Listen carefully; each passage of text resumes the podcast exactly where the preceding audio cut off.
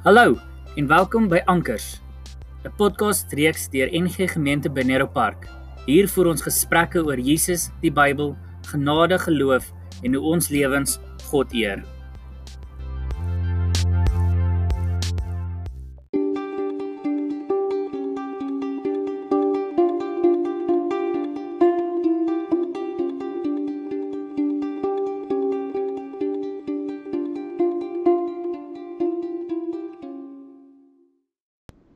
Goeiemôre.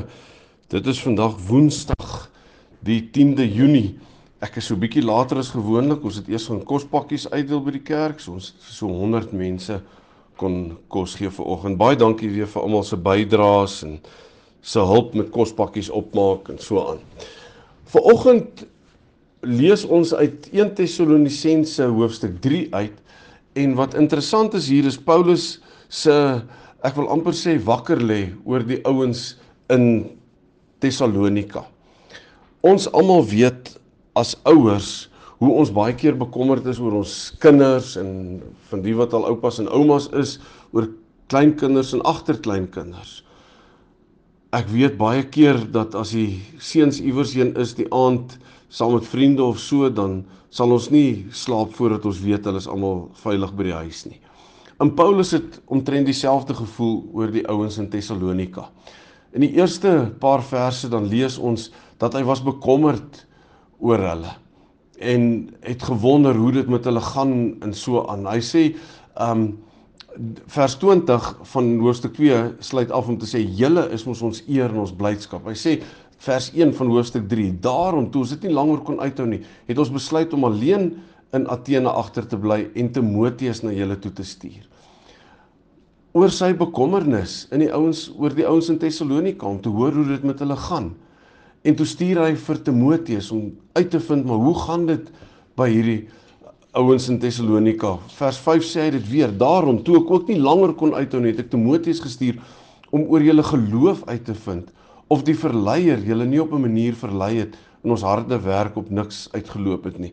Onthou dat ons maandag gesê het hoofstuk 1 dat daar baie mense was in daai tyd wat van dorp na dorp en stad na stad toe gegaan het om deur allerlei filosofiese argumente mense te ooreed om hulle te volg um, of produkte by hulle te koop of wat ook al.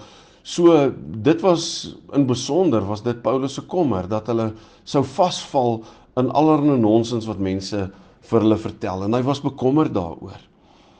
Wat vir my die les is wat ek uit vanoggend se hoofstuk uit leer, is die kommer en die omgee wat Paulus het vir medegelowiges.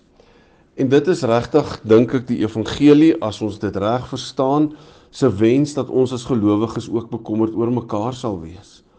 Hoe gaan dit met mekaar? Is daardie persoon se verhouding met die Here nog op koers? Glo hulle nog? So kom ons neem vir oggend met ons saam om te sê dat ons 'n kommer in ons sal dra oor mense wat op 'n onseker pad is. En as dit nodig is, soos Paulus gemaak het vir Timoteus gestuur het, as dit nodig is dat ons met hulle sal praat daaroor. Dit help nie ons praat oor ander mense of met ander mense oor hulle nie. Dis nie reg nie. Dat ons na daardie persoon toe sal gaan en sê, "Weet jy, ek is bekommerd oor jou, oor hierdie of daardie ding." Ek het jou lanklaas in die kerk gesien. Ek weet ons was almal lanklaas in die kerk, maar jy verstaan wat ek bedoel om te sê ek het jou lanklaas gesien. Ek sien jou nie meer by die Bybelstudie of jy's skaars, jy's stil. Ehm um, dat ons dit sal doen om te sê maar dis omdat ek omgee vir jou dat ek ook soos Paulus bekommerd is oor ons medegelowiges. Kom ons vat dit met ons saam uit vandag se hoofstuk 3 van 1 Tessalonisense. Kom ons bid saam. Hemelse Vader, Ons gebed is vir oggend dat U vir ons 'n kommer sal gee of 'n bekommernis oor medegelowiges se welstand, oor hoe dit met hulle gaan, oor vriende en vriendinne, oor hoe dit met hulle gaan. Partykeer onvaar ons sommer net goeie nuus of geen nuus is goeie nuus en dis nie altyd so nie. Partykeer maak mense nie meer kontak nie omdat hulle skaam voel oor iets of teleurgesteld is oor iets of sommer net aan die weg kwyn is. En dan moet ons dieselfde ingesteldheid hê wat Paulus gehad het oor die gemeente in Tessalonika, dat hy bekommerd oor hulle was. Dat hulle dalk iewers hulle voet sou verloor het, hulle vir hulle vasdra plek in hulle geloof. Gebruik vir ons vandag ook om by sulke mense uit te kom. Dankie vir u liefde vir elke een van ons. Amen.